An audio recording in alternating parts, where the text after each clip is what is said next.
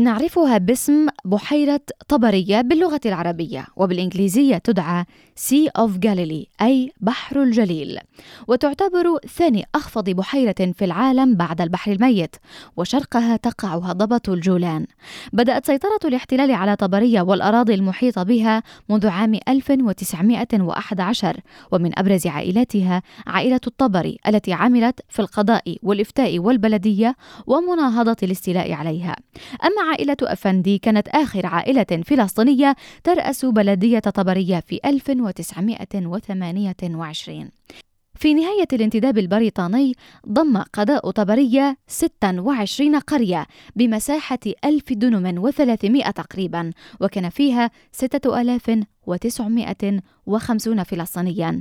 وفي التاسع من نيسان 1948 هدم ودمر حوالي 500 منزل. كانت فيها تسعة عشرة قرية منها نصر الدين وغور أبو شوشة وحطين والحمة والشجرة ولوبيا وكل قرية لها قصة تهجير لا تختلف كثيرا عن الأخرى. إن زرتها اعلم أن طبرية تأسست في موقعها الحالي عام عشرين ميلادية وأن العلماء وجدوا فيها آثارا لاثنتي عشرة مدينة بنيت على ضفاف بحيرة طبرية. وتذكر أنها أقدم المناطق المسكونة في فلسطين.